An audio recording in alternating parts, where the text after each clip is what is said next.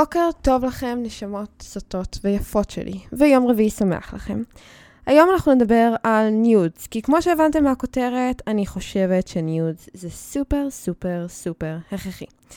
אז אנחנו גם נדבר קצת על העולם מסביב, ומה זה נותן לנו לביטחון העצמי ולהרגשה הכללית שלנו, וכמובן, בא לצלם, איך לצלם, איך אפשר להשתפר בצילום, איך אפשר לאהוב את התמונות שלי, ועוד הרבה. אז תכירו את טלי. בואו נתחיל.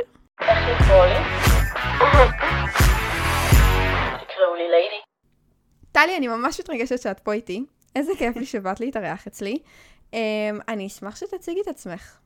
אוקיי. Okay. Uh, אז אני טלי, אני בת 24 מראשון, אני צלמת. Uh, למדתי צילום לתקופה קצרה בכל מיני קורסים, ובעיקר מ- מהרבה ניסיון. Uh, התחלתי לצלם משהו כמו לפני עשר שנים, ו... וואו. כן, בגיל 14 צילמתי מדהים. בת מצוות של בנות בנות 12.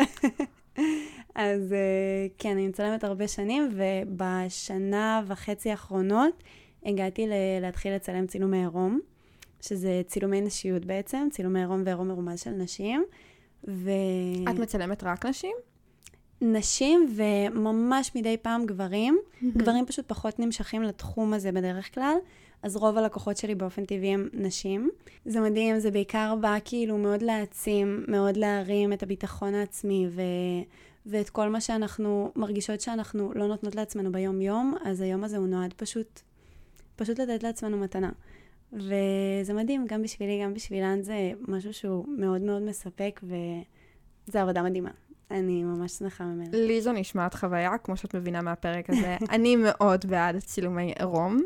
ואנחנו נדבר היום לא רק על צילומי עירום, אנחנו בכלל נדבר על כל העולם הזה של הערך של צילומי עירום, בין אם הם מקצועיים או בין אם הם לא מקצועיים והם ביתיים, ואתם עושים את זה כולה לעצמכם.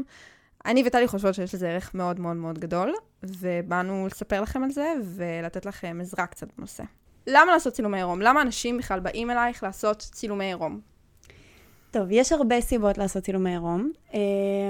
האמת שבנות מגיעות, אני אומרת בנות, כאילו מגיעים גם גברים, אבל הרוב הן נשים, אז אני אדבר פשוט בהכללה על המין הנשי. אז... אה, שזה מצחיק, כי רוב המאזינים שלנו הם גברים, אבל um, אנחנו... בסדר, אז הנה, הגיע הזמן לחשוף. גם אותם לזה. לגמרי, גברים, תעשו צילומי עירום. טלי אומרת שאתם לא מגיעים אליה מספיק. נכון, או מגיעים עם דרישות מאוד מוזרות, אז אני אשמח שזה כאילו... לא לבוא לטלי עם דרישות מוזרות מהפודקאסט של זה, אני מזהירה אתכם, זה, זה המוניטין שלי. אוקיי, אז רגע, אני מחזירה אותך לשאלה. אז למה באים אלייך? אז הרבה בנות מגיעות ממקומות של, הרוב מגיעות ממקומות של תהליך מסוים. בנות ש... שבדיוק אה, נפרדו מהבן זוג, או שמשהו טוב קרה, משהו רע קרה, משהו השתנה בחיים שלהן, שהביא אותן ל- לפתוח תהליך כלשהו עם עצמן. הרבה פעמים גם זה קורה בגיל מסוים, בגיל בין 24 ל-25 כזה, זה רוב המצולמות שלי שמבינות שכל הזמן הזה הם קצת שכחו כאילו לתת לעצמן, כי אנחנו כאילו חיות את החיים ואנחנו שוכחות לפעמים לתת לעצמנו את הדברים האלה, לפתח את עצמנו, לת- לתת לעצמנו משהו שהוא באמת, שהוא באמת ייחד אותנו, שהוא באמת כאילו ייתן לנו תחושה טובה ותחושה של התפתחות, תחושה של קשר לגוף, לנפש. אז הרבה מגיעות באמת מהמקום הזה, ומגיעות כאילו להמשיך את התהליך שלהם או להתחיל תהליך שלהם. הרבה מגיעות אה, כדי להפתיע את הבן זוג או הבת זוג, שזה גם שאני חושבת שזה רעיון מדהים, דרך אגב. אני חושבת שגם בנות זוג, אבל אני באמת חושבת שבעיקר בני זוג, אין דבר יותר משמח שהם יקבלו מאשר איזשהו אלבום עם תמונות יפות וסקסיות של בת הזוג שלהם. נכון. כאילו, כל אלו ששונאות שהבן זוג שלהם רואה פורנו, תהיו הפורנו של הבן זוג שלכם. אני כל כך בעד זה, אני כל כך כל כך בעד זה. חד משמעית. Um, יש לי עוד כמה דברים שפתאום נזכרתי כזה בזמן דיבור, שאני יודעת שאנשים הולכים לעשות עליהם צילומי עירום. אני יודעת שיש כאלה שעושים צילומי עירום בשביל לזכור דברים לפני שינויים. נכון. אני זוכרת שראיתי את זה גם ב-90-210. הייתה שם מישהי שעשתה צילומי עירום לפני שהיא הלכה לעבור איזושהי כריתת שד. נכון. ואני חושבת שזה מדהים. האמת שגם אני רציתי לעשות צילומים, וככה לפני איזשהו תהליך שאני צריכה לעבור, ואני באמת באמת חושבת שזה פשוט מדהים ללכת ולעשות צילומים, גם לפני וגם אחרי. זה כמו הצילומי הריון מבחינתי, שהגוף משתנה או משהו קורה, ורוצים להנציח את הרגע הזה לפני, אני חושבת שזה מדהים. זה קורה המון. לגמרי. המון נשים מגיעות כאילו מהמקום הזה של uh, אני עומדת uh, להתחתן, אני עומדת להיכנס להיריון, אני לפני ניתוח כזה או אחר, אני לפני, הייתה לי אפילו מישהי שהגיעה לפני uh, ניתוח קיצור קיבה. והיא ממש כאילו, היא אמרה מדהים. לי, אני רוצה לזכור את עצמי ככה ולאהוב את עצמי ככה. אני רוצה גם אחרי שאני עושה את זה, לאהוב את מה שהיה שם. זה כל כך, כל כך, כל כך חשוב. זה מדהים. באמת, כאילו, אני לא יכולה להסביר כמה הדברים האלו חשובים של לאהוב אותך, גם לפני, גם אחרי, כל התהליכים האלו שאנחנו עוברים עם עצמנו, של להגיע משנאה עצמית או חוסר ביטחון עצמי, פתאום להגיע לרמה אחרת של ביטחון עצמי, זה מדהים בעיניי. אז אמרנו להפתיע את הבן או בת הזוג, אמרנו להרגיש טוב, אמרנו חוויה. אז בעיקרון אה, מגיעים בגלל כל הסיבות האלו, ו... וגם כאילו, גם אני האמת, היה לי, היה לי סיפור שבזמן הלימודים למדתי, עשיתי איזה קורס בצילום בתל אביב, והיה לנו במהלך הקורס משימה שבה כל אחד צריך לצלם אה, מישהו מהקבוצה.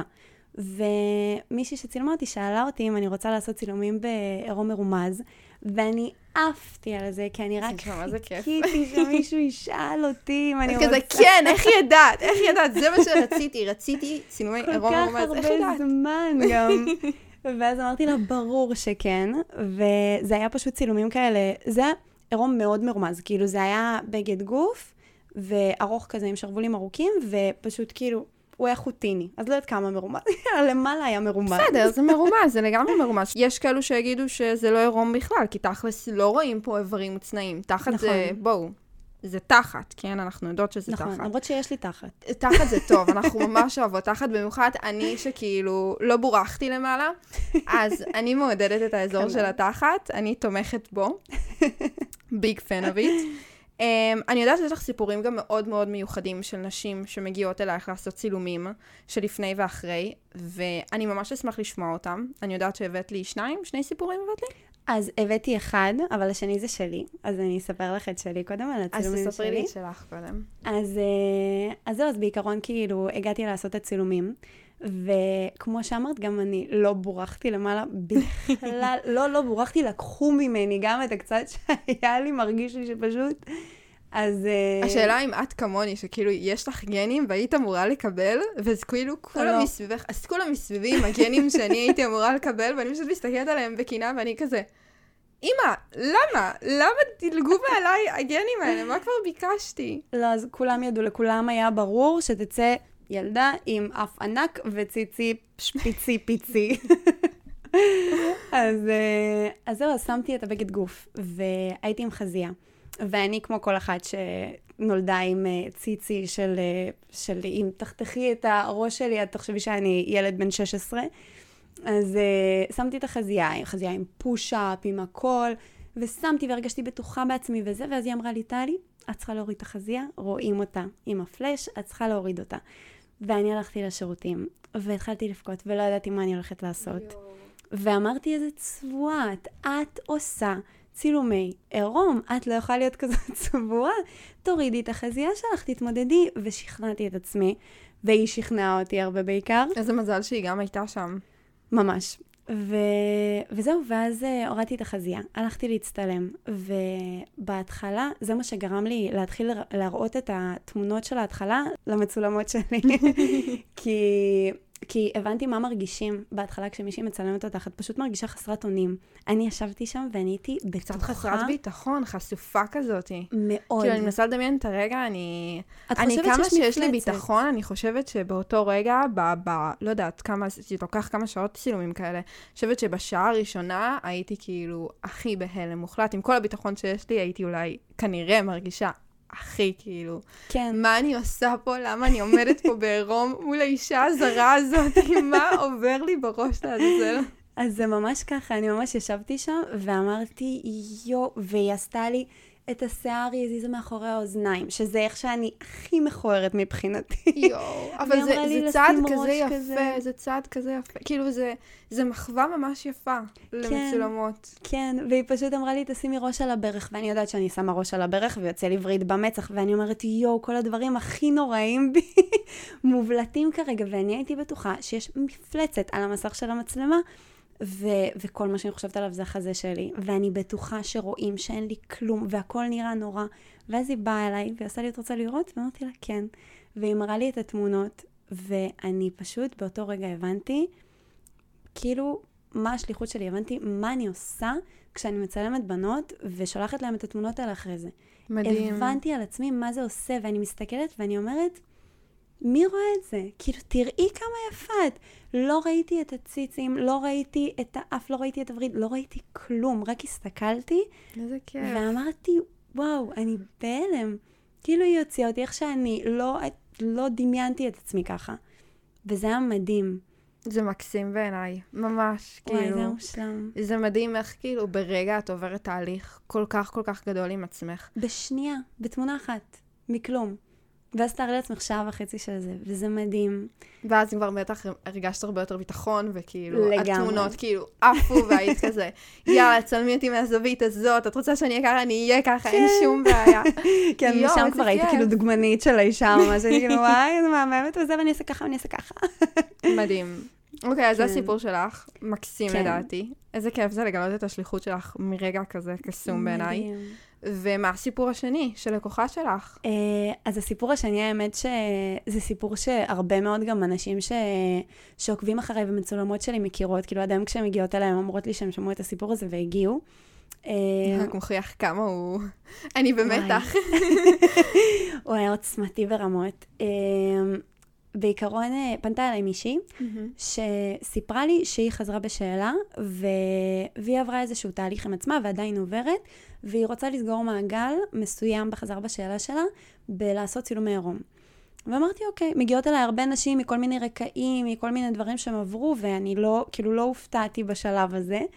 ואז היא אמרה לי, איזה תקשיבי. מהפך, כאילו, אני מנסה... אני רוצה רגע שתבינו את זה. בחורה חרדית שהגיעה מעולם חרדי, פונה לטלי לצילומי עירום. כאילו, תבינו כמה, כמה רחוק היא לקחה את עצמה, זה מדהים. זה מטורף. זה מטורף. ואז... אה, זהו, ואז היא הגיעה, ו... אה, והיא אמרה לי, תקשיבי, אני רוצה שאנחנו נעשה את הצילומים עם הבגדים. היא סיפרה לי שנשארו לה הבגדים, אה, הבגדים המסורתיים של החרדיות, מהתקופה שבה היא הייתה, הייתה חרדית, והיא רצתה שנעשה את הצילומים עם הבגדים האלה. עכשיו, הבגדים האלה הם לא משהו שאנחנו רואות ביום-יום, אם אנחנו לא גרות באמת בקרבת, כאילו, בקרבת איזה עיר שיש בה הרבה חרדים, או מקום כאילו מאוכלס בהרבה חרדים, כי זאת באמת, זה בגדים שהם הם מאוד מאוד מאוד כאילו זה מאה. שערים כזה. כן.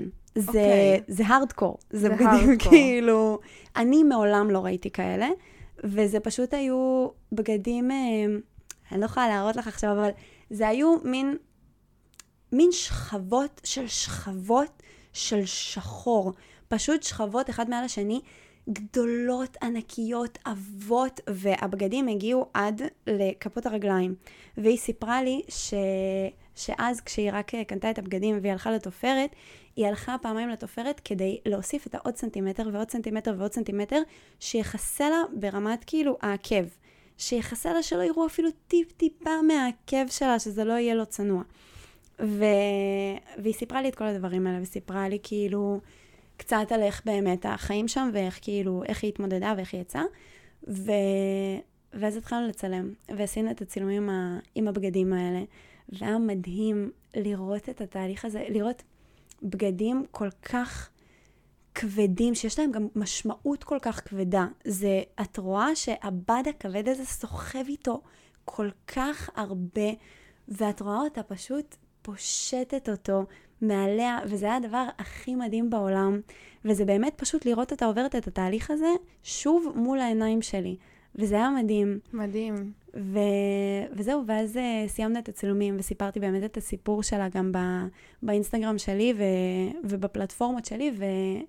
והרבה אנשים מאוד התחברו לסיפור הזה, וסיפרו לי סיפורים דומים, וזה היה מדהים. זה מרגש. זה היה מרגש זה בטירוף. מדהים איך דבר אחד גורם לתנועה של דברים, כמו אפקט דומינו כזה, כן, שכאילו מישהי אחת עושה משהו וכולם כזה, וואו, אני, אני כל כך מזדהה עם זה. זה מדהים בעיניי, ממש. אז אם כבר מדברים באמת על זה, אז למה אנשים בעצם אנטי צילומי עירום? וואי, כמה סיבות. כאילו, כמה אנשים באת אליהם ואמרת להם, אני צלמת עירום, והם הזדעזעו מזה. זה, זה משהו שמעניין אותי בהקשר הזה. המון, המון. אני בעיקר, בגלל זה אגב, מאוד משתדלת להגיד, אני צלמת נשיות. אני מעדנת את זה. בשביל- וואי. כדי להגיד את זה לאנשים מבוגרים, אבל כדי זהו, להגיד זה את זה בדיוק, לאנשים... זה בטח אנשים שהם בדרך כלל יותר מבוגרים. אני מניח שהדור נכון. שלנו דווקא, אני מקווה, שרובו זורם עם העניין ומתלהב עם העניין. רובו חושב שאני צלמת פורנו. כשאני אומרת אני צלמת אה, עירום... בסדר, אני אומרת שיש לי פודקאסט על סקס זוגיות ומיניות, הם חושבים שאני עושה פורנו בסאונד, כאילו ASMR של פורנו. כן, קלאסי. אז... אה, אנחנו רק נוגעות בזה, אנחנו לא- אנחנו לא עושות את זה ב live. אז זהו, אז הרבה אנשים באמת כאילו בטוחים שאני עושה פורנו בהתחלה, ואז אני מראה נניח את התמונות שאני עושה, ואנשים עושים לי, אה, זה לא עירום. זה עירום, זה פשוט לא הפורנו שחשבתם שאני כן. עושה. אז זה כאילו, הרבה אנשים אנטי, כי הם באמת חושבים שזה, חושבים שזה לא מה שזה, ואז כשאני מראה הם מבינים והם כבר לא אנטי. הרבה אנשים אנטי כי הם לא מבינים למה. הם לא מבינים מה בן אדם צריך לעשות צילומי עירום. ואז זה פשוט באמת עניין של הסברה. וזה לשבת וזה למה להסביר. לא? למה לא בעצם? אם לא תעשו עכשיו צילומי עירום, מתי תעשו צילומי עירום? כאילו, אתם צריכים לעשות מבחינתי כל עשור צילומי עירום, אבל אני עדיין... כל שנה כאילו, באמת. כל שנה לגמרי, אבל אם אתם, אם קשה לכם כל שנה, אני חושבת שכל עשור זה אחלה התפשרות. לגמרי. וואו, אני... כאילו זה. כל כך הגיוני, אבל זה, זה העניין הזה שאנחנו מדינה כל כך שמרנית. נכון.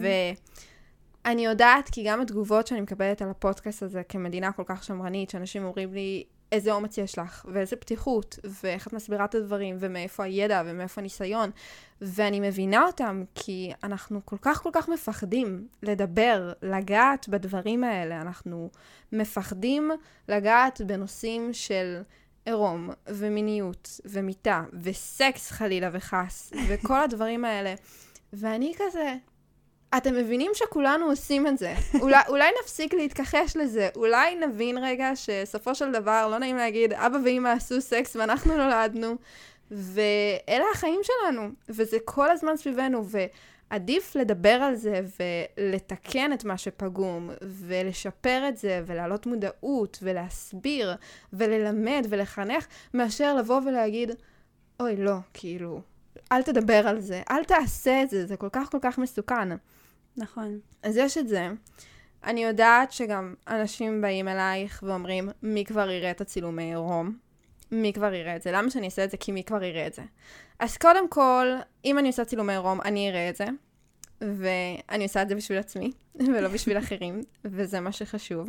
נכון, חד משמעית. ואני יודעת שתכלס, הפחד הכי הכי הכי הכי גדול לצילומי עירום, זה העניין של ההפצה. הפצה של צילומי עירום. נכון. ואני רוצה רגע באמת שנתמקד בנושא הזה. Um, אני בטוחה שיכול להיות שאפילו נתקלת בזה עם הלקוחות שלך, זה מעניין אותי. יצא לך איזושהי לקוחה שבאה ואמרה לך שהופצו תמונות עירום שלה, או איזושהי לקוחה שהייתה ממש חרדתית ממה שיקרה לקבצים. כן. לא קרה לי ש... שהופצו תמונות, כי אני באמת מאוד מאוד זהירה, ואני תכף אסביר את זה, כי באמת הרבה לקוחות מאוד מאוד מפחדות מזה, אבל uh, קרה לי ש... שהייתה לקוחה שהייתה מאוד חרדה לזה, ברמה שאני פשוט שלחתי לה דיסק און קי הביתה עם התמונות, כדי שזה יהיה הכי כאילו under the radar שאפשר, לא במחשב, לא בדיגיטל, לא בכלום, אבל uh, אני אגיד לך משהו מפתיע.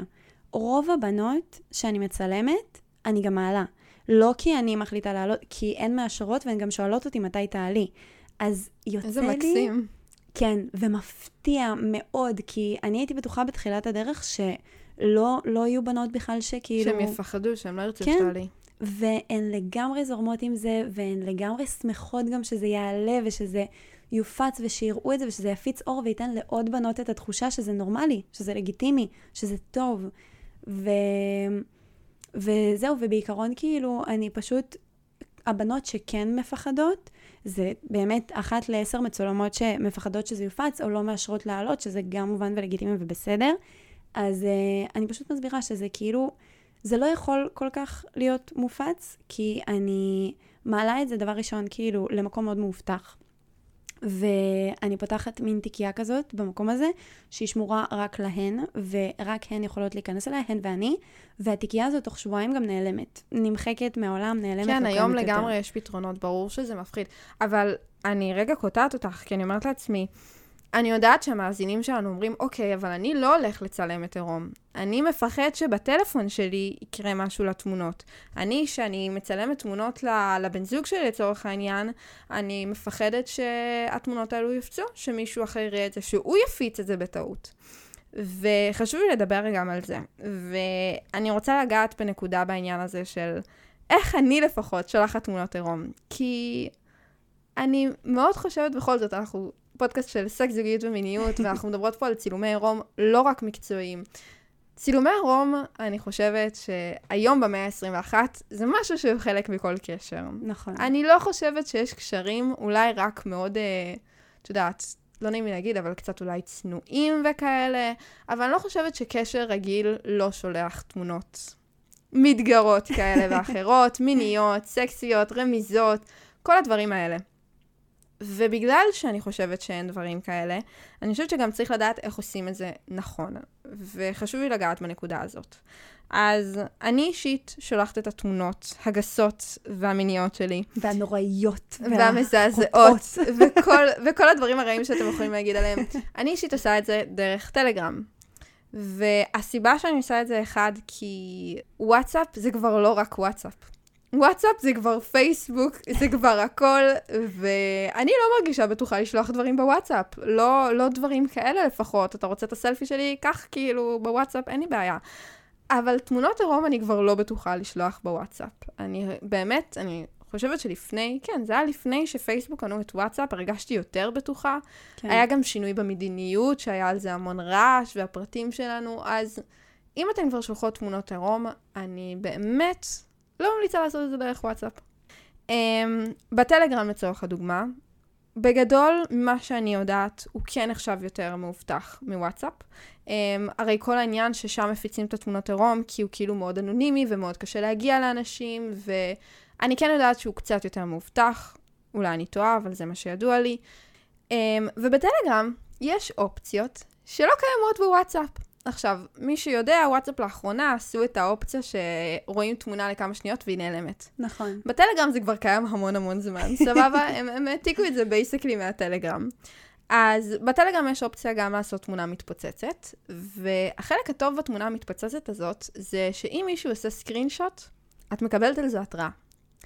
זאת אומרת שאם אני שלחתי לגבר תמונת עירום שלי, והוא עשה, במקרה, סקרין שוט, אני יודעת שהתמונה הזאת קיימת אצלו. מדהים. עכשיו, פה אנחנו יכולות לפעול בעניין הזה. אנחנו יכולות לאיים, אנחנו יכולות לבוא ולמצוא את הבן אדם הזה ולרצוח אותו אם צריך, אבל יש לנו דרך פעולה. אנחנו יודעות שהתמונה הזאת קיימת אצלו.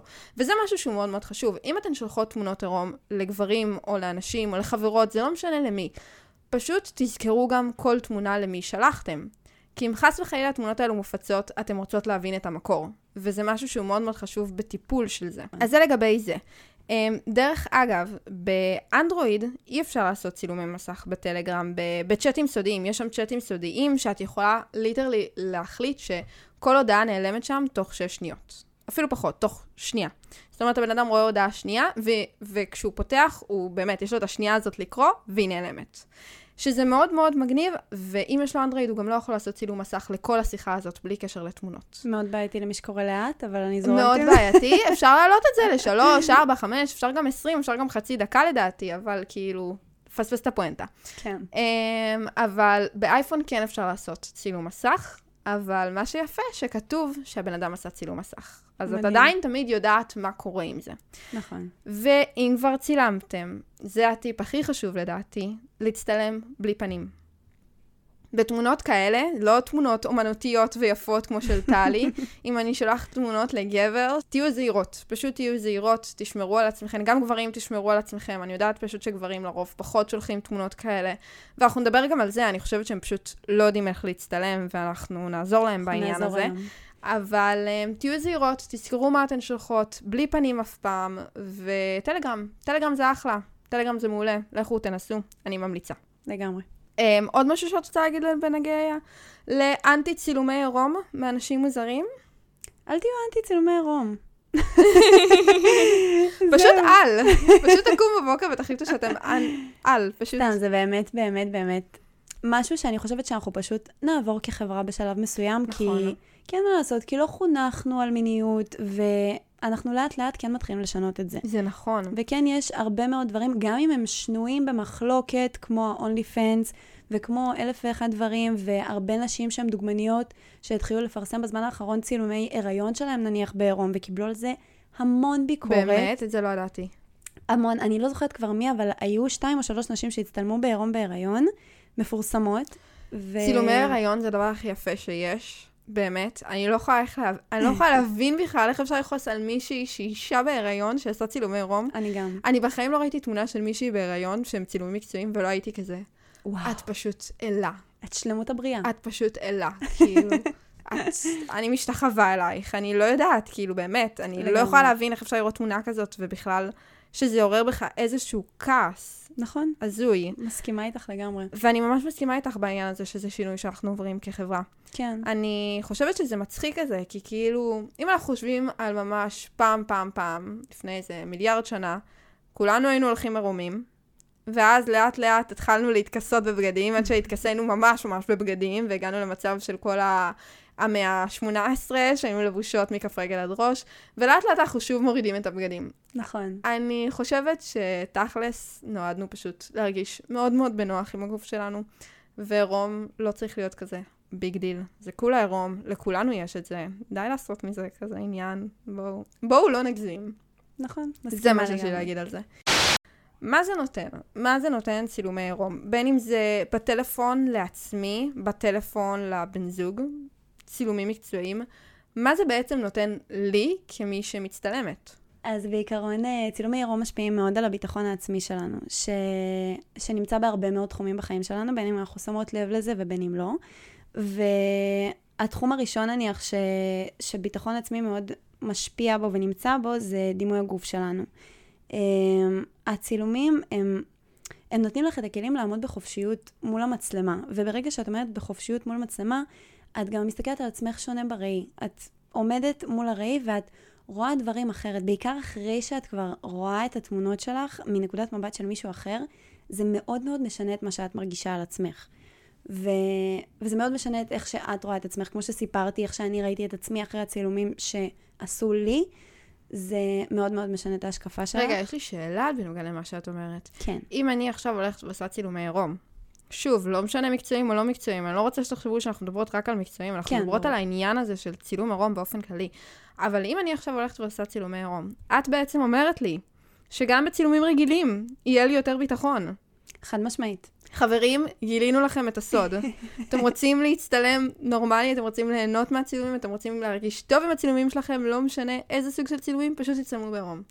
אני. ממש בעד הרעיון הזה. פשוט צריך לעשות את זה נכון, שגם את זה אנחנו נסביר עוד מעט. כן. אבל, אה, אבל כן, לגמרי, זה מאוד מאוד משפיע על הדימוי גוף. אה, זה מאוד משפיע גם על השלווה שלנו ביום-יום.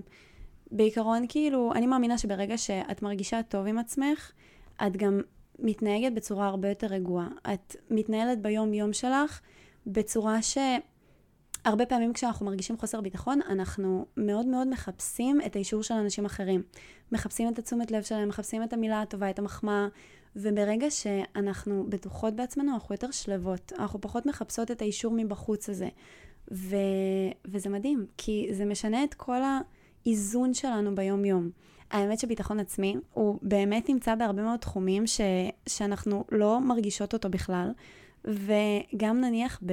אני שמתי לב לזה שבתחום של הצלחה בחיים, ביטחון עצמי הוא מאוד מאוד מאוד מאוד מאוד מאוד חשוב. לגמרי, וואו, זה מטורף. אני חושבת שאנשים לא מבינים כמה אנשים שמצליחים, שהם אומרים, וואו, איך הוא מצליח בכל זה, זה כל כך עניין של ביטחון עצמי. זה הרבה נכון. פעמים אפילו לא עניין של יכולות, זה עניין של איך אתה מציג את הדברים שאתה עושה, זה נכון. עניין של כריזמה, זה עניין של, באמת, זה הזוי. חד משמעית. זה ידוע, אגב, שאנשים שהם מאוד מאוד מצליחים, ממש עשו הרבה מחקרים על זה, אנשים שהם ב top של ה top של ה top, יש להם תכונות שהן מאוד מאוד מאוד מאוד נרקיסיסטיות. כי זה אנשים שהם מאוד בטוחים בעצמם. הם יודעים מה הם עושים, או נותנים תחושה שהם יודעים מה הם עושים. וזה ו... עובד, חברים. כן, אנשים שהם בטוחים בעצמם מושכים אליהם הצלחה. מושכים אליהם אנשים שמרגישים שהם רוצים להיות כמוהם, שרוצים לשאוב מהם את הביטחון הזה.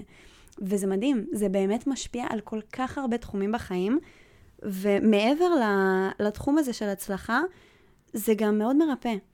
הרבה מה, מהסשנים שאני עושה, הם נעשים כחלק מריפוי, וגם לא בסשנים, גם אם לעשות צילומי עירום בבית, זה מאוד מאוד מאוד מרפא. זה לא לקום יום אחרי ולהגיד, וואו, אני מושלמת ואין שום דבר בי שאני לא אוהבת. אבל, אה, אבל זה לקום ולהגיד, אוקיי, אתמול ראיתי את עצמי מזווית קצת אחרת. אתמול קצת התאהבתי בחלק הזה, וגם יש משהו שאני עדיין לא שלמה איתו, יש משהו אחר שעכשיו מאזן את זה. יש משהו אחר ששמתי לב אליו, שעכשיו אני אוהבת אותו, ואף פעם לא ראיתי אותו. זה ממש יפה מה שאת אומרת. אני אשתף משהו. אני אוהבת לצלם גם כן, ואני החלטתי גם אחרי הפרידה, זה היה כזה, אני רוצה לעשות צילומים סקסיים. והרמתי את החצובה, ועליתי על המיטה עם בגד גוף שחור, ועשיתי צילומים, עשיתי צילומים שאפילו שניים מהם מופיעים בעמוד של הפודקאסט, mm. ועשיתי צילומים. ולהגיד לכם שכולם יצאו מדהימים, ואת כולם אהבתי, ושרפתי מלא תמונות עם התאורה, וכאילו... לא הכל היה מוצלח, אבל הרגשתי כל כך, כל כך, כל כך טוב עם עצמי אחרי זה, אני לא יכולה להסביר לכם. אפילו לא הייתי בעירום מלא, כאילו, הייתי כולה עם בגד גוף, אבל הרגשתי מדהים. ממש, הרגשתי מדהים ברמה שכאילו התמונות האלו הלכו איתי וזה היה כזה, לא, אני רוצה שהם עדיין יישארו בטלפון. עכשיו עברתי טלפון אחר, אבל כאילו, לא, אני רוצה אותם עוד קצת, עוד קצת, עוד קצת, כי כאילו, הרגשתי כל כך טוב אצלם, כל כך נהניתי לבוא ולהראות לאנשים שקוראים לי, תראה את התמונה הזאת. זה אני צילמתי, זה לא רק שאני פה, אני גם צילמתי את זה, אני לא יודעת למה, הייתי כל כך גאה בהן, אבל זה מדהים. זה מדהים. יש לי שאלה עליך, טלי, אם אנחנו כבר מדברות על זה. מה את חושבת על נשים וגברים שמצטלמים בצורה מינית, בין אם זה עירום, בין אם זה מרמז על מיניות בצורה כזאת או אחרת, למען קידום עצמי? אמ, האמת שאני חושבת ש... דבר ראשון, אני חייבת לציין שאני בעצמי חטאתי בזה, ו... ואני כן, לפעמים כשאני רוצה שיתייחסו אליי, שיראו אותי, שאני מפרסמת נניח משהו שהוא מאוד חשוב, והוא מאוד, הוא העסק שלי, הוא רציני, ואני מפרסמת אותו מעל לתמונת תחת שלי, תמונה שלי בבגד ים, כי חשוב לי ש, שישימו לב לתוכן. אז אני, אני בעיקרון חושבת שפשוט אנחנו צריכים לשים לב אם זה מרגיש לנו נכון או מרגיש לנו לא נכון, ואנחנו סתם עושים, עושות את זה בשביל...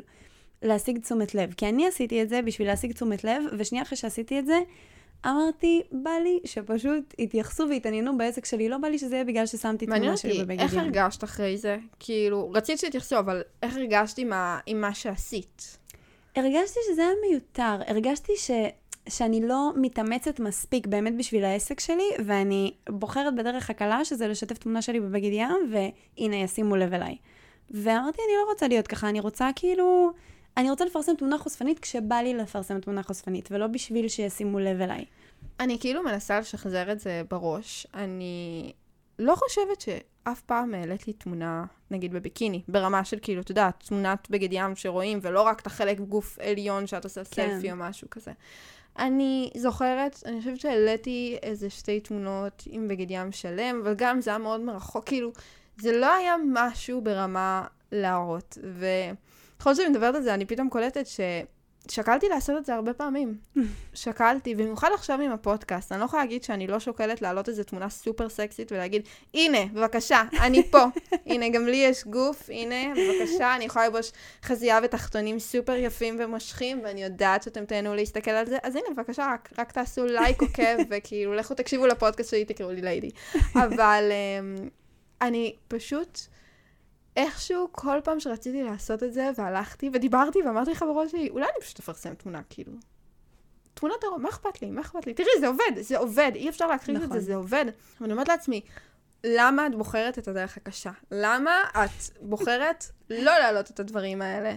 ואני באמת לא מבינה את עצמי, ואני לא יודעת למה אני עושה את זה, אני באמת באמת לא יודעת, כי כמה שאני לא אוהבת שבנות עושות את זה, ואני באמת לא אוהבת. אני כאילו כל כך כל כך בעד אה, דימוי גוף חיובי. ואני באמת אוהבת בנות שכאילו... ויש לי עמודים שאני עוקבת אחריהם, אחרי בנות שמראות את עצמן ראיתי כל חלק כמעט בגוף שלהן, ואני מאוד אוהבת את זה, אבל אני לא יודעת למה אני כל כך שונאת את זה. אני חושבת שאני פשוט שונאת את המחשבה שהן מקודמות בגלל הגוף שלהן ובגלל כן. דברים חרמנים. את זה אני שונאת.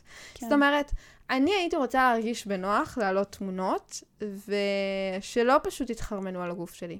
פשוט כי, כי, כי אני רוצה להעלות את התמונה הזאת, כי אני מרגישה טוב עם עצמי. וזה ממש מבאס אותי. כי אני חושבת שזה מה שמונע ממני באמת לעשות את זה. כי אני אומרת לעצמי, אוקיי, אז יופי, אז גברים בני 50, 60, 70, את יודעת, אפילו לא, גם גילאים קטנים יותר, הגילאים נכון. שלנו לא חסר. אבל כל הגילאים האלה יסתכלו לי על התמונה הזאת, ויתחרמנו ממנה, או יגידו fuck, איזה שווה, או ישלחו אותה לחבר. ואני לא, ואני לא איזה מוצר להסתכל עליו, מוצר אהבה, או מוצר שתעבירו בשביל להסתכל, לא. לא. נכון. וזה פשוט הפריע לי, ו... וזה... אני כאילו לא מאשימה את הנשים, אני מאשימה את זה שזה עובד. כי אם זה לא היה עובד, לא הייתי מרגישה ככה. אני מאשימה את זה שזה פשוט מזרז תהליכים. שכאילו, סקס מוכר. נכון. זה מעצבן. נכון. זה ממש מעצבן שסקס מוכר. ואני בטוחה שכל הבנות האלו שעושות את זה, בין אם הן סופר מיניות ופתוחות, ובין אם הן עושות את זה באמת רק כי הן יודעות שזה עובד, אני בטוחה באיזשהו מקום שהן היו עושות את זה פחות אם זה לא היה עובד ככה. אני בטוחה. הם היו, הם היו, אני לא אומרת שהם לא היו מעלות את זה, אבל הם היו מעלות את זה בנוסף לדברים. היום אנחנו יכולות לראות אינסטגרמים שלמים של גברים ונשים, שכאילו כל מה שרואים זה אותם, אם זה גברים סקסים בלי חולצה, אם זה נשים כוסיות בלי... את יודעת, כאילו אנחנו... כל האינסטגרם שלהם ככה, או כל העמוד פייסבוק, או לא משנה איפה אתם מסתכלים, אבל כל העמודים הם כאלה. וזה מאוד יפה.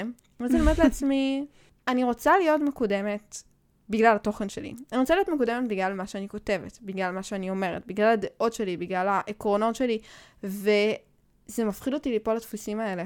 כן. זה כל כך קל ליפול. זה כל כך קל ליפול, וואי, זה הפך להיות טיפול נפשי.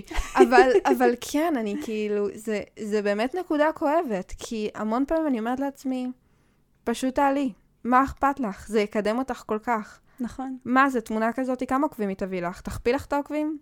מה כבר את צריכה לעשות? אוי, כן, כן, זה נושא כואב, אבל um, הכי חשוב בנות ובנים, למה אני אומרת בנות? הכי חשוב נשים וגברים, אני מאוד מצטערת, תיקנתי את עצמי. Um, פשוט תעלו דברים כי אתם רוצים להעלות אותם, ולא בשביל לקדם את עצמכם, וכי אתם מרגישים בנוח עם זה, ופשוט תבואו לזה במטרה חיובית ובריאה. זה מה שחשוב לי לציין בעניין הזה. אני לא רוצה שתעלו תמונות כי אתם פשוט רוצים לקדם את עצמכם. זה לא שאני לא רוצה, זה פשוט, אני חושבת שזה לא בריא. כן. כי את כאילו, את לומדת שאנשים אוהבים אותך רק בגלל הגוף שלך. כן, את פשוט מוכרת את עצמך במקום למכור את מה כן. שיש לך להציע. ויש לי כל כך הרבה מה להציע, כאילו, תראו, בכל זאת. נכון. יש לי הרבה אופי. לפחות זה יש. מזל. טוב, Um, הגענו לקטעים קצת יותר מעניינים בפרק. וזה באמת איך אפשר לעמוד מול המצלמה. ומה עושים בשביל לעמוד מול המצלמה? מה אני יכולה לעשות כדי להרגיש יותר טוב כשאני עומדת מול המצלמה? ואני אתן לה מומחית, כי הבאתי אותה פה בשביל שהיא תלמד אתכם איך לקחת נודס ממש ממש שווים. אז כאילו, דברי אליי, טלי, אני רושמת. אוקיי. Okay. אז בעיקרון, הדבר הכי חשוב בעולם הוא פשוט להצטלם מלא, גם אם זה לא בעירום, גם בעירום, גם לא בעירום, פשוט להצטלם מלא לבד. לתת לעצמכם לצלם אתכם, לשים את המצלמה. יש אפילו אפליקציה, אגב, שקוראים לה לנס באדי. לנס באדי, חברים, לנס באדי. לנס באדי. באדי כאילו חבר. כן. לא באדי גוף, לנס באדי. לא באדי גוף, הם לא כיוונו לשם. אוקיי. לנס באדי. זה יכול לבלבל עם כל הפרק הזה. כן. אז, אה, אז פשוט, אני, מה שהייתי עושה בהתחלה, הייתי פשוט שמה את, ה, את הפלאפון, את המצלמה, כי בהתחלה בן זוג שלי היה מצלם אותי, ובואו נדע בזה, אם גברים הם לא צלמים מקצועיים, הם לא צלמים בכלל, אוקיי? הם לא יודעים לצלם. אני מסכימה עם זה. ו... מניסיוני אמר. והייתי מאוד מתוסכלת, כאילו הצילומים שהוא היה עושה לי, היו האנטי ל- להרגיש טוב עם עצמי, זה כן, בדיוק ההפך. כן, את מצלמת אותם יפה, יש על זה מלא בדיחות, שאת מצלמת אותם סופר יפה ומדהים, ואז את כאילו רואה תמונה שאת רואה 90% רקע, כן. 10%, או שאת בכלל מטושטש לחלוטין, והם כזה, מה, יש עוד? כל התמונות מטושטשות לחלוטין, כן. מתוק. היו 90 תמונות שלי נראית זוועה, ותמונה אחרונה שלי בוכה אחרי שראיתי את כל התמונות. אז, אה, אז הייתי פשוט, התחלתי לשים את הלנס באדי באמת, והייתי שמה פשוט את ה... במצלמה הקדמית, את הפלאפון, ככה שאני אראה את עצמי, והייתי פשוט מתחילה ללמוד מה הזוויות שלי. ולמדתי באמת, תוך אולי חודש שצילמתי את עצמי, מה הזוויות שלי, מלמעלה, מלמטה, מהצד, איך אני הכי אוהבת את עצמי, מה אני אוהבת שמובלט, הכל, הכל, הכל, ממש כאילו, למדתי כל מה שאני אוהבת וכל מה שאני לא אוהבת, ולמדתי להכיר את עצמי מכל זווית אפשרית. שזה מדהים, גם אם כן הולכים לעשות צילומים מקצועיים וגם אם לא. כי כשמגיעים, נניח, כשמגיעים לצילומי עירום באמת, זה קצת כמו קצת כמו עם מיניות, שאומרים ש... שאת צריכה להכיר את הגוף שלך ולדעת מה את אוהבת, כש... כשאת עם עצמך, כאילו... נכון, כדי לדעת. כדי לדעת... לא, עם הבן זוג מה כן, את אוהבי. כדי לדעת עם הבן זוג מה תאהבי. זה בדיוק אותו דבר כמו זה. זה פשוט להכיר את הזוויות שלך, את מה שאת אוהבת, את איך שאת אוהבת שאת נראית, כדי בבוא הרגע, באמת בצילומים, או גם בצילומים שאת עושה לעצמך, או כשבן אדם אחר עושה לך, להגיד לו מה את אוהבת. זה בדיוק אותו דבר. אני חושבת שזה ממש ממש נכון, כי מהרגע שהתחלתי באמת להצטלם, אפילו סתם סלפיס, כמו שאת אומרת, כאילו באמת, קצת פה, קצת פה לחברה, לכאילו מישהו שאני יוצאת איתו, סתם כזה לכיף. אני באמת הבנתי יותר איך להצטלם, אני באמת הבנתי איזה זוויות אני אוהבת יותר, איך אני אוהבת את החיוך שלי, איך אני אוהבת, מאיזה גובה אני אוהבת את המצלמה, מה אני אוהבת להראות, מה אני לא אוהבת להראות. אני חושבת שגם באמת כשעמדתי מול המראה והסתכלתי המון על הגוף שלי, במיוחד לפני מקלחת, אני בטוחה שכולנו עושים את זה, שאנחנו פשוט עומדים ובוהים במראה איזה חמש דקות לפני שאנחנו נכנסים להתקלח, אז אני לא יודעת, זה כנראה, זה באמת מחשבה קצת מעוותת, אבל הייתי חושבת המון על התמונות של הבחורות השוות באינסטגרם. והייתי מנסה לשחזר את הזוויות שהן עומדות בהן. ופשוט ככה הייתי עושה את זה, ונגיד למדתי שנגיד כל העניין הזה של הרווח ברגליים, שאתן אומרות, וואו, איך התחת שלהם נראה ככה, ויש להם זה, אני למדתי שהן לוקחות את התחת אחורה. בנות, נכון. תנסו את זה. הן לוקחות פשוט, הם, הגב שלהם לא ישר, אם אתם תסתכלו עליהם מאחורה, התחת שלהם בולט, והגב שלהם עגול, וזה עושה צורה לגוף. אימא'לה ואבא'לה, כאילו, ברצינות. ואני אומרת לעצמי, אוקיי, יש פה קטע, בכלל, יש היום כל כך הרבה עמודים וסרטונים שמראים לכם איך לעמוד ואיך לעשות posing, נכון. וכל העניין הזה. וזה שווה את זה, זה שווה את זה לא רק לצילומי עירום, זה שווה את זה כדי שיהיו לכם תמונות יפות מהחיים שלכם, ושתוכלו לזכור רגעים יפים בצורה באמת יפה, שלא תראו את התמונות ותתבאסו. וזה קרה לי, הייתי בדיסנילנד והצטלמתי עם רפונזל, והתמונה יצאה לא יפה, חברים. זה שבר את ליבי, ובפעם השנייה שהייתי בדיסנילנד, אני התלבשתי ממש יפה והתאפרתי בשביל לכפר על התמונה הזאת. אז אנא מכם, זה שווה את זה, זה שווה לדעת איך להצטלם, איך לעמוד, מה... באמת, כל הדברים האלו הם כל כך כל כך חשובים, כדי שנדע ש... מה ביאס אותנו בפעם הבאה כדי שנוכל לתקן את זה. האם זו הייתה הזווית, האם זה היה העמידה שלי, אה, לפעמים זה הבגדים, האמת שהבגדים גם הרסו לי מאוד. וואי, לגמרי. אז הרבה פעמים גם, אל תלמדו ממני, אני חיה על טרנינגים, אבל לי לא אכפת, אבל כאילו, להתלבש מכובד זה חשוב, זה מה שרציתי להגיד. Um, אז לא לוותר על הדברים האלה, וללמוד על עצמכם מכל הזוויות, ולהשתמש באפליקציה, ולהשתמש בכל מה שצריך כדי פשוט להכיר את עצמכם. נכון. זה לא אמור להיות כזה מורכב להכיר את עצמנו, זה כל כך חשוב בכל נושא אפשרי לדעתי. עכשיו, בואו נעבור לנושא של איזה תמונות אנחנו יכולים לצלם אחרי Mm. שהבנו איך להצטלם ומה מחמיא לי ומה אני רוצה לעשות, אז עכשיו בואו נבין איזה תמונות אני יכולה לצלם. לבד, עם צלמת מקצועית, לכיף שלי, לבן זוג שלי, לעצמי. יש לי כמה רעיונות מאוד טובים, אני מקווה שתאהבו אותם, טלי תוסיף לי. Um, קודם כל, מול המראה זה קלאסי. בישיבה, בעמידה, עם התחת בולט, לא משנה. מול המראה זה קלאסי, זה הכי קלאסי שיש. אני מאוד ממליצה על ישיבה, אבל וואו, אני אנסה לתאר את זה. Um, ישיבה על הברכיים, כשאתם על הברכיים. יואו, כן. תחת בולט לאחור, חזה קדימה, אתם זוכרים, גב עגול. תעשו סלפי לתחת, תעשו סלפי מקדימה. אני מבטיחה לכם, בכל זווית זה ייראה סקסי. אפילו רווח זווית. קטן בין הברכיים ולהישען כזה. כן, כן, כן, כן, כן. Mm. רווח גדול, כאילו לפתוח את הרגליים, אני, אני מנסה להסביר את זה, אני לא יודעת איך לעשות את זה. תפתחו את הרגליים שלכם, כאילו תפסקו. את ה- תהיו על ברכיים מפוסקות בצורת V. כן. סבבה? אני, אני מקווה שהצלחתי להעביר את זה. אני מצפה לראות תוצאות אחר כך.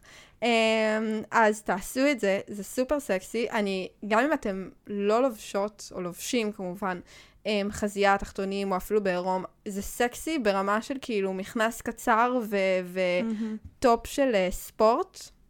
אימא'לה, אין גבר כאילו שאני אשלח לו את זה והוא לא כאילו... הוא לא יכול להגיד רטוב לי, אז הוא יגיד עומד לי, אבל כאילו... אתם מבינים. עוד דברים שאני אוהבת, באמת, על הבטן. אני חושבת שכולנו אוהבות את זה, פשוט כאילו, אני במיטה, תראה את התחת היפה שלי. כן. זה זה. לגמרי. Um, ולבנות שיש להם ציצים גם יכולות לה, לעשות פשוט, תראה את המחשוף היפה שלי, לי אין את זה, אז תמיד כאילו תראה את התחת היפה שלי. נכון. יש את זה. יש משהו ממש ממש מגניב שראיתי, שזה צל. לא יודעת אם ראית את זה, אני פשוט נגנבתי מהרעיון. אני לא יכולה לצלם את זה עם התאורה בחדר שלי, אבל גברים ונשים, אם יש לכם תאורה טובה שמגיעה מחלון, ויש לכם איזושהי שעה ביום, שזה כמו הגולדן אאואר כזה, אבל שיש צל בחדר, זאת אומרת שאתם עומדים ואתם רואים את ההשתקפות שלכם, כאילו את הצל שלכם על הקיר. אני ראיתי בחורה שעשתה צילומים, שהיא כאילו עירומה, ורואים את הצל שלה. אני לא יכולה להסביר כמה סקסי הדבר הזה, כאילו באמת, חזה בולט, תחת בולט, כאילו, אתם לא צריכים לראות את הבן אדם, כמו שאתם רק רואים את הצל, וכאילו, אני רטובה, כן. ברמה כזאת. זה teasing מטורף. אז לגמרי, בכלל, כל העניין הזה של teasing לא חייב להיות עירום. נכון. אפשר גם את כל העניין של המרומז, אפשר כאילו איזה חולצה קטנה עם פטמות בולטות, אה, אפשר בלי חולצה גם, אבל אני אוהבת, אני אוהבת להסתיר חזה, אני לא אוהבת להראות דברים, אני אוהבת כאילו, כאילו אני אהיה בלי חולצה ואני אשים את היד כדי שתסבול, אז אה, אני מאלה. אז לגמרי, ו... וואי, אני מגלה פה את כל הסודות שלי. באתי עם רשימה. um, עוד דבר שאני אוהבת לעשות, זה צילומים עם עדים במקלחת. אני שמעתי את הטריק הזה, ואני כאילו, אימא לבאבלה. כאילו, אם מישהו יקבל תמונה של הציזים שלי, זה, זה עם משם. במקלחת. כן. אז קודם כל, אני אתן לכם את הטיזינג לפני, כי אני אוהבת לשלוח להם תמונה שכאילו, אני עושה עיגול רק לפרצוף שלי, והכל עם עדים, ואני שולחת להם תמונה ואני חושבת להם, אני ערומה מתחת. מושלם. אני, אני, ואני לפני זה מחממת אותם, אני כאילו אומרת להם, אתה רוצה תמונת עירום? אז הוא אומר לי, כן. אני מחממת אותם, ואני עושה, שנייה, אני שולחת לך, ואז אני שולחת, ואז כזה, אני ערומה מתחת, וכאילו, אין יותר teasing מזה, אז קודם כל תעשו את זה. אני מאוד בעד, אבל בגלל שאמרנו ש... שמצלמים בלי הפנים את ה nudes ששולחים לבני נכון. הזוג, בדרך כלל באירוע אחר לגמרי אני מצלמת את התמונות המיניות יותר, כי הפנים צריכות להיות מכוסות, ואני פשוט מנקה את החלק של החזה, או את החלק של התחת, או בכלל את כל הפלג גוף, ואני יכולה לעלות על השיש במקלחת. אני אוהבת את זה, ואז כאילו את מצלמת כזה מהגב ורואים את התחת. כאילו, וואו, זה כל כך כל כך פשוט. לא צריך יותר מזה, זה כל זה כך מדהים. סקסי. וואו, ראיתי שיטה חדשה לאחרונה, שעדיין לא ניסיתי, של מישהי שהיא כאילו הצטלמה עם הגב למראה, והיא כאילו עשתה משולש, ב... היא כאילו שמה את היד על המותן, והיא עשתה משולש אה, עם המרפק וה... והגוף בעצם, ובמשולש הזה ראו את כל הגוף שלה מאחורה. ממ, וכאילו זה היה טריק כל כך מגניב, כי היא כאילו יכולה לעשות סלפי, ורואים במראה כאילו, זה מושלם. זה סופר מגניב, עדיין לא יצא לי לנסות את זה, אבל אני ממש ממליצה על העניין הזה, ו- ו- וזה הרעיונות שלי, זה מה שאני אוהבת לעשות. אמ, טלי, תני לי את האינפוט שלך. וואי. האמת שהתמונות עירום הכי מוצלחות שהיו לי בחיים, זה היה פשוט כשגיליתי שאפשר לשים רגל למעלה, מעל פשוט דברים, על שיש, על האסלה, על כל דבר שהוא, והתחת שלי פשוט נהיה מתחת של בחורה בת 25 שכבר צריכה להתחיל לעשות ספורט, לתחת של. דוגמנית, פשוט רגע, רגע, אני מנסה להבין, את כאילו מרימה את הרגל לגובה של שיש? עם השיש נמוך, כי אני לא איזה אתלטית. אוקיי, זהו, אני, אני מנסה לדמיין את זה בראש. רגע, אני חושבת שלא הבנתי. או על האסלה. נניח את עומדת על הרצפה, ואת פשוט מרימה רגל אחת על האסלה. הרגל שלך כאילו היא 90 מעלות. פשוט אוקיי, על 30 האסלה. ואת מהצד. אה, ואת מצלמת את הצד. ואת מצלמת את הצד, והתחת Mm. שלך נראה מדהים, מדהים. ואני גם כאילו גם מכסה את החזה וכאלה, חזה, את מה שיש שם. מה שאין לנו. זה למה אני לא מראה, כי אני חושבת שהם פשוט התבאסו, אז סתם כאילו... מאכזב כאילו, למה? כן, למה, עזוב. אין שם כלום, תסתכל על התחת שלי, כאילו. לפחות יש שם משהו. לגמרי. והאמת שאני התחלתי לעשות משהו ממש מגניב מאז שאני ובן זוג שלי היינו ביחד לפני משהו כמו שנתיים ו... ורציתי לשלוח nudes, וזה התחיל להיות מאוד כאילו שגרתי בשלב מסוים שאני שולחת nudes. ואז אמרתי, אני רוצה כאילו לפלפל את זה, איכשהו בא לי לעשות איזה משהו מיוחד. והתחלתי לעשות משהו שהוא בין מצחיק לסקסי, והתחלתי לשלוח פשוט nudes שהם כאילו, זה ממש טוב לאנשים שיש להם פרטנר קבוע, שהוא לא כאילו עכשיו סטוץ שאת צריכה עכשיו להתאמץ בשבילו ברמה הזאת, לא צריך, כאילו.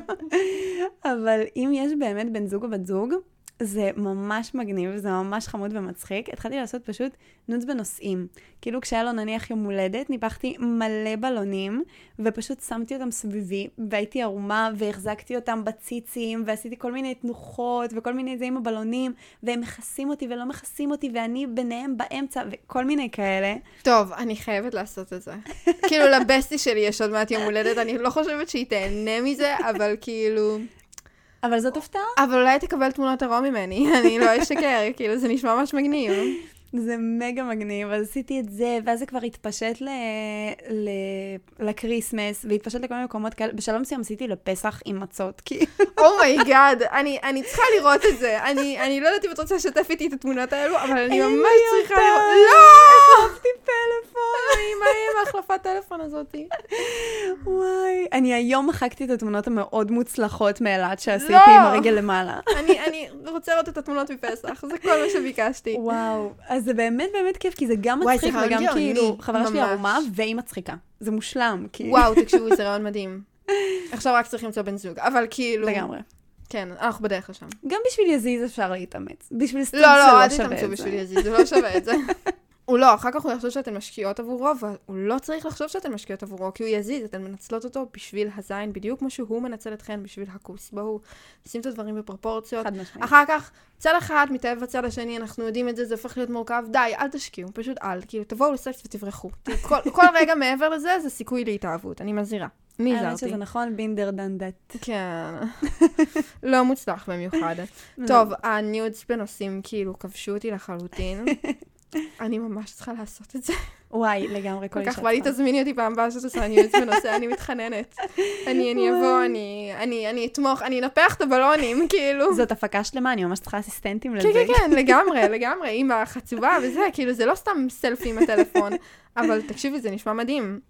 וכמובן שאם יש לכם אופציות שלא אמרנו, ואתם רוצות שאנחנו נספר לקהל שם בחוץ, אז ספרו לנו, אפילו שלחו דוגמה לא שלכם, משהו שראיתם, ואז אולי אנחנו גם נפרסם את זה כדי שתוכלו לראות מה כן צריך לעשות. Um, וואי, רגע, פתאום אני חושבת את זה שלא דיברנו על העניין הזה של גברים. כאילו, ברור שגברים יכולים לעשות הכל, אבל איך אנחנו אוהבות שגברים מצטלמים? Hmm, על הגב. על הגב, אני, אני ממש אוהבת שגברים כאילו מצטלמים אה, תמונת... אה, אוקיי, או שהם עומדים ערומים ומכסים את הזין שלהם עם היד, ואז כזה את רואה את כל הגוף, Mm. ואם יש לכם קוביות זה כזה אימא'לה. כן. אמ, האמת שגם כשהם עומדים כאילו במקלחת מול השיש ורואים רק את החזה, סופר סקסי לדעתי. לגמרי. אמ, עוד נושא מעניין שלא דיברנו עליו בהקשר הזה, כי כאילו אני חושבת על גברים וישר עולה לי dick pic. נכון? כי זה מה שהם שולחים, כי הם לא יודעים מה נכון. לשלוח, אז הם שולחים dick pic. ומה את חושבת על dick pics או על נשים ששולחות vagina פיק? אה, תמונת כוס? אז מסיבה כלשהי, וג'יינה פיק נשמע לי פחות מושך, למרות שגם דיק פיק בשבילי זה לא הדובדבן שבקצפת. אבל נטו כי פשוט, אני מרגישה שמשהו מרומז יותר, הוא יותר סקסי. יותר סקסי, נכון? לגמרי. אני מסכימה איתך לגמרי, כאילו, קודם כל, אני לא בקטע של לשלוח תמונות של הכוס שלי למען האמת. אני פשוט, אני כאילו, אני מאוד אוהבת סקס, אני פשוט חושבת שאיברים, איברי מין ספציפית, אני לא חושבת שזה הדבר הכי מושך בעולם, אני חושבת זה שקצת מאוד קשה. רפואי. כן, זה מאוד רפואי כזה, אני לא חושבת שבאמת אפשר להוציא אותם בצורה מאוד מאוד טובה, כדי שהבן אדם השני יראה ויגיד, זה מה שאני רוצה עכשיו, את זה אני רוצה, אני רואה את הכוס הזה או את הזין הזה, וזה מה שאני רוצה. אז אני לא חושבת שאפשר לעשות את זה בצורה כל כך טובה, אלא אם כן אתם ממש מקצועיים. אני... נכון. יש מצב. Um, אז אני גם אישית פחות ממליצה, ואני כן אוהבת את המרומז יותר. Um, למרות שאני כן אגיד ששמעתי, נשים לפחות, אם אתן רוצות לשלוח תמונת כוס, אני שמעתי שמומלץ uh, לצלם את הכוס עם צעצוע. אני חושבת שזה נראה יותר טוב, אז אם כבר אתן עושות, אז אני ממליצה על זה. גברים, אם אתם מתעקשים לשלוח דיק פיק, לפחות תדאגו שהוא עומד, ולא לשלוח דיק פיק לנשים זרות באינטרנט, אני לא מאמינה שאני צריכה להגיד את זה, כן, זה לא אבל מובן זה נחשב הטרדה מינית, אז לא עושים את זה, רק לפרטנרית הקבועה. זה לגבי זה.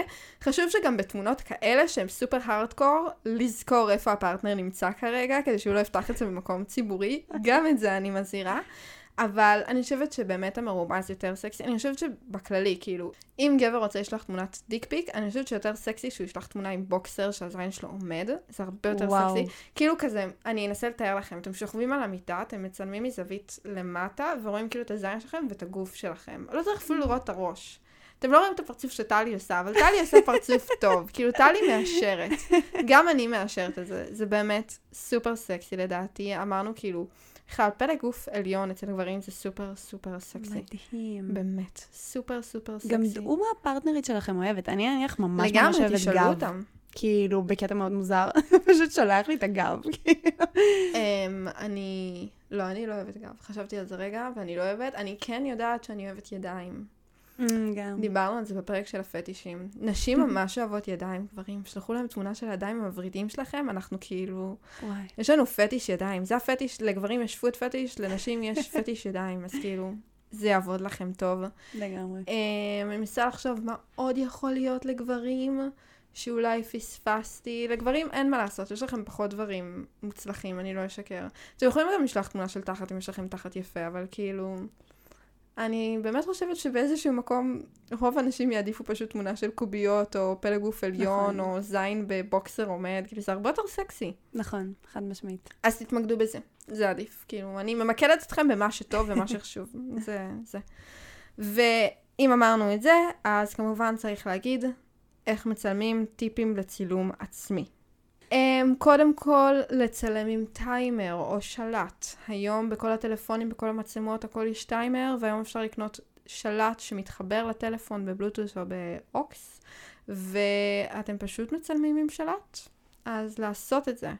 אפשר תמיד להיעזר בחבר או חברה. כאילו חלום שלי שיהיו לי חברות שיצלמו אותי בעירום. אני חושבת שיש לי בסטי אחת שהייתה מסוגלת לעשות את זה, אבל זה עדיין לא קרה, אני בונה עליה. אבל אמ, כן, לגמרי, אני חושבת שזה סופר מגניב תכלס, אה, חברות טובות שמצלמות אחת את השנייה, כאילו, ואומרות, לא, לא, ככה את נראית יותר טוב, כאילו, אין יותר woman power than this, כאילו, חד משמעית. ככה אני התחלתי לצלם עירום. וואו, אני חושבת שזה סופר מדהים, אז לגמרי להיעזר. Um, ואני חושבת שאם ואיפור, או שיער מסוים, או משהו מסוים, גורם לכם להרגיש יותר טוב עם עצמכם ויותר מקל על העניין הזה, זה בסדר. זה בסדר אם להתאפר עוזר, זה בסדר אם uh, לאסוף או לפזר את השיער עוזר. כל מה שעוזר כדי להרגיש בנוח, זה בסדר, במיוחד במיוחד בהתחלה. אז אל תהיו קשות עם עצמכם, אם אתם רוצות להצטלם רק כשאתן מאופרות כרגע, זה בסדר, ככה מתחילים. אני חושבת שבהמשך אתן תרגישו הרבה יותר נוח עם עצמכם, ואתם תראו שפתאום אולי לא צריך אודם, ולא צריך סומק, ולא צריך איילנר, וכאילו אתם פשוט תזרמו עם זה. אז זה הטיפים שלי. אבל יש פה צלמת מקצועית, והיא תגיד את הטיפים שלה. אז אני אוסיף משהו שהוא מאוד רלוונטי, גם לצילומי עירום שהם מקצועיים, וגם דווקא לצילומים שהם בבית, או באופן כללי, בחוץ, כל צילומים שהם. אמ, אני מאוד ממליצה תמיד גם למצולמות שלי, וגם לחברות שלי וגם לכולם, לא לעשות משהו שגורם לך להרגיש לא בנוח, לך, לך, אמ, לא בנוח. פשוט אם בדרך כלל נניח את מתאפרת, תתאפרי לצילומים. אם את לא מתאפרת, אל תתאפרי. אם את בדרך כלל הולכת עם אסוף, תבואי עם אסוף. השיער הפזור שיתחיל להציק לך שאת לא רגילה אליו, הוא זה שיכול להיות המכריע ב... אם הצילומים יראו טוב או לא. כי בסופו של דבר, מה שנראה טוב במצלמה או בפלאפון או בכל דבר שהוא, זה הנוחות של מי שמצטלם. הנוחות... וואי, זה טיפ, מה זה חשוב לחיים? רואים אותה כל כך, כל כך, כל כך, זה הכל. זה המבט בעיניים שרואים שהוא קצת לא רגוע, זה אפילו דברים שאנחנו לא יודעים להסביר. וברגע שאנחנו מרגישים בנוח, ולא התאפרנו עכשיו עם אייליינר ואודם, כשאני בכלל ביום יום לא מתאפרת, ואני מרגישה שיש לי מסכה על הפנים ואני לא מצליחה לזוז, זה, יראו את זה במצלמה. אם השיער לא, לא בנוח, יראו את זה. הכל רואים. אז ברגע שאנחנו מרגישות בנוח, מרגישים בנוח, אז רואים את זה במצלמה וזה נראה טוב. כל מה שחשוב זה זה, זה פשוט להרגיש בנוח. לגמרי. בכל דבר בחיים לדעתי, במיוחד במצלמה, אבל ממש. להרגיש בנוח, אל תעשו דברים שגורמים לכם להרגיש לא בנוח. במיוחד ברגעים שאתם צריכים סופר ביטחון עצמי, במיוחד כמו לעמוד מול מצלמה. אז טיפ חשוב לחיים בכלל, לדעתי. זה גם ככה משהו שאנחנו לא נתקלים בו ביום-יום, והוא גם ככה מביך אותנו. אז ברגע שיש עוד משהו שמביך אותנו, עוד משהו שגורם לנו להרגיש לא בנוח, זה בכלל כאילו יהיה לנו מאוד מאוד קשה להשתחרר. אז אם כבר מגיעים למשהו שהוא גם ככה חדש לנו, לפחות להגיע עם עצמנו הישן, עם איך שאנחנו רגילים לעצמנו. מהמם. והדבר האחרון, שהוא לקראת סוף הפרק שלנו, אני יודעת שאתם מתבאסים, אבל זה באמת עניין של המשך התהליך עם עצמך. אני מאוד אהבתי שטלי דיברה על זה איתי. טלי סיפרה לי שמבחינתה צילומי עירום זה רק תחילת התהליך. ואחר כך התהליך ממשיך עצמאית, לבד, וזה משהו שכל הזמן לומדים. ואני חושבת שהתהליך הזה, שאנחנו קוראות לו, אנחנו קוראות לו תהליך, אבל כאילו, זה בעצם הביטחון העצמי. זה מתחיל מהצילומים, וזה תהליך שהוא פשוט נבנה כל הזמן, והוא עולה עוד שלב ועוד שלב ועוד שלב ועוד שלב. איזה פעולות אפשר לעשות ביום-יום כדי להרגיש הרבה יותר טוב עם עצמנו? בעצם, איך אני ממשיכה את התהליך הזה לבד? איך אני בכלל, את יודעת, אוקיי, עשיתי צילומים, אני מרגישה קצת יותר טוב עם עצמי. What's next? טוב, אז האמת שיש כמה פעולות ש... שאני יודעת מעצמי, שהן מאוד מאוד טובות, שאני התחלתי את התהליך שלי מאוד מוקדם, בסביבות כיתה י"א, ואני הרגשתי מעצמי שאני מאוד מאוד מסתכלת על העולם בגישה קצת שלילית, ו... והרגשתי שאני לא רואה את עצמי כמו שהייתי רוצה לראות באור חיובי, לא רואה את הסובבים שלי באור חיובי, ורציתי מאוד לשנות את הגישה הזו. בכיתה י"א עוד לא ידעתי מה זה דימוי עצמי ומאיפה מגיע כל הדבר הזה, פשוט רציתי לא להיות ממורמרת. זה היה כאילו המטרה. אלה החיים, אלה החיים, אני אומרת. זאת המטרה הכללית שלי בחיים, לא להיות ממורמרת. כאילו, זה, כל בוקר אני קמה, היום את לא תהיי ממורמרת. זה לגמרי. אז זהו, אז התחלתי לעשות משהו ש... שאחרי זה גיליתי שהוא מאוד מאוד תורם לביטחון העצמי ולדימוי העצמי שלי, וגם של אנשים שסיפרתי להם על זה וניסו את זה גם. אמ, אני התחלתי לעשות פשוט כל יום, החלטתי שאני שמה לב למשהו טוב, אפילו איזה מילה נניח שסתם המוכרת בחנות זרקה לי איזה מחמאה. מישהו חייך אליי ברחוב, מישהי החמיאה לי על משהו שאני לובשת או על משהו שאמרתי, כל דבר שהוא כל דבר הכי קטן בעולם, שנוגע אליי, לאופי שלי, לנראות שלי, לאיך שאני מרגישה עם עצמי. וכל יום הייתי מתיישבת בסוף יום, ופשוט רושמת על פתק את הדבר הקטן הטוב שקרה היום. גם הוא הכי קטן בעולם, והייתי מקפלת אותו ושמה אותו בתוך צנצנת. עשיתי את זה משהו כמו חודשיים, ושמתי לב, גם טיפ נורא חמוד, זה פשוט להוציא את כל הפתקים מהצנצנת בשלב מסוים ולקרוא אותם. זה ממש כיף, וזה מראה כאילו כמה אנחנו כן זוכרים דברים קטנים, ואנחנו כן יכולים להרגיל את עצמנו להתמקד בהם, ולא בדברים הרעים שקורים, או בגדולים שזה יותר קל. ו... ואנחנו כן נראה שאנחנו קוראים את הפתקים, ואנחנו נזכרים בדברים שקרו, ונזכרים איך הרגשנו באותו רגע, וזה כיף. ו... ושמתי לב שפשוט עם הזמן לא הייתי צריכה לרשום יותר פתקים. פשוט הגישה שלי מאוד מאוד השתנתה, והמוח כן מתרגל לדברים מסוימים שאנחנו עושים ביום-יום ומתרגלים אותם. וברגע שכל יום למדתי לשים לב לדברים הקטנים והטובים, המוח שלי התחיל לעשות את זה לבד. ופשוט שמתי לב ש... שזהו, שהגישה שלי השתנתה, וכל עוד המשכתי עם העניין הזה והמשכתי לשים לב לזה, פשוט היה לי כיף. פשוט התחלתי לשים לב רק לדברים הטובים ולהתמקד בהם, וגם אם היה לי יום גרוע, הדבר הקטן הטוב הזה פשוט היה מעלה אותי. הוא היה מחזיק אותי, כי האיזון שלי היה נמצא בו. וזה משהו שממש אפשר לעשות, והוא מדהים גם לגישה הכללית שלנו על החיים וגם לדימוי עצמי שלנו. לגמרי. אני חושבת שהדבר הכי חזק שאמרת זה באמת העניין הזה שאנחנו כאילו נותנים דגש כל כך גדול לדברים רעים. ואנחנו נכון. פשוט זה לא ברור למה, אבל אנחנו פשוט שוכחים באמת דברים טובים. ואני חייבת להגיד שיש איזה שהם כמה מחמאות כאלה, כמו שאת אומרת, שאני סוחבת איתי כמה שנים כבר, שאנשים אמרו לי שהם כאילו כל כך כל כך נכנסו לי ללב המחמאות האלה, שזה לגמרי חיזק אותי והפך אותי בסופו של דבר לבן אדם שאני היום. אני לגמרי בעד, אני לגמרי בעד בכלל לרשום דברים חיוביים, לחשוב חיובי. האמת שיש משהו שהתחלתי, יש לי בעיות זיכרון מאוד קשות, אז לרוב אני שוכחת לעשות את זה, אבל זה משהו שאני עושה במקום לכתוב על דף, זה מאוד דומה. אבל כשקורה לי משהו טוב שהוא יחסית גדול ומשמעותי, יש לי um, קבוצה אחת מיני רבות עם עצמי בוואטסאפ, שקראתי לה um, ימים טובים. ואני כאילו כותבת את התאריך, אם אני לא אומרת, אם אני לא כותבת את זה באותו תאריך, אז אני כותבת את התאריך קודם כל, ואני חושבת מה קרה שם ממש ממש משמעותי. כמו, התחלתי לימודים, התחלתי פודקאסט, התחלתי זה. וזה כמו ציוני דרך, שכאילו כשאתה מתבאס, אתה יכול ללכת ולגלול בהם ולהגיד, וואו, עשיתי, עשיתי מלא דברים טובים. כאילו, ממש הצלחתי. עשיתי את זה ועשיתי את זה, וראיתי ולמדתי וגדלתי והתפתחתי. ובמיוחד שזה לאורך זמן, כאילו, זה לא מספיק יום-יומיים, זה צריך לראות את הדברים האלה לאורך זמן. וזה משהו, נגיד, שממש ממש שימח אותי וגרם לי להתייחס קצת לדברים יותר חשובים ויותר חיוביים, ודברים רעים קורים. תמיד יקרו. אלה החיים, מרפי חרא, אבל צריך uh, לדעת להתגבר עליהם וצריך לדעת ללמוד איך לחיות איתם. כי אין מה לעשות, אין טוב בלי רע, אחרת הכל היה ניטרלי. נכון. פילוסופי וכאלה. אבל כן, אז אני ממש מחזקת את מה שאת אומרת. נכון. אז אני רוצה לסכם את הפרק המדהים שהיה לנו. קודם כל, ניודס, אנחנו בעד. תצטלמו, תהנו, תחגגו את המיניות שלכם, את היופי שלכם, את איך שאתם נראים, תאהבו את עצמכם, אלוהים יעזור, אתם כאילו מדהימים, באמת. יופי זה עניין כל כך אינדיבידואלי, אתם לא צריכים להרגיש שאתם לא יפים, או שמישהו אחר מאוד יפה, סבבה. אנשים, אני מסכימה איתכם, גם אני רואה בנות כוסיות באינסטגרם ואומרת, הן יותר יפות ממני. עובדתית, הן יותר יפות ממני, אבל כאילו, אתם יודעים, זה מאוד אינדיבידואלי. יצאתי עם גברים שאמרו לי שהם לא היו יוצאים איתן בחיים, ואני אומרת, אלוהים, תסתכל עליה, מה אתה עיוור, כאילו, יש לך עיניים בכלל.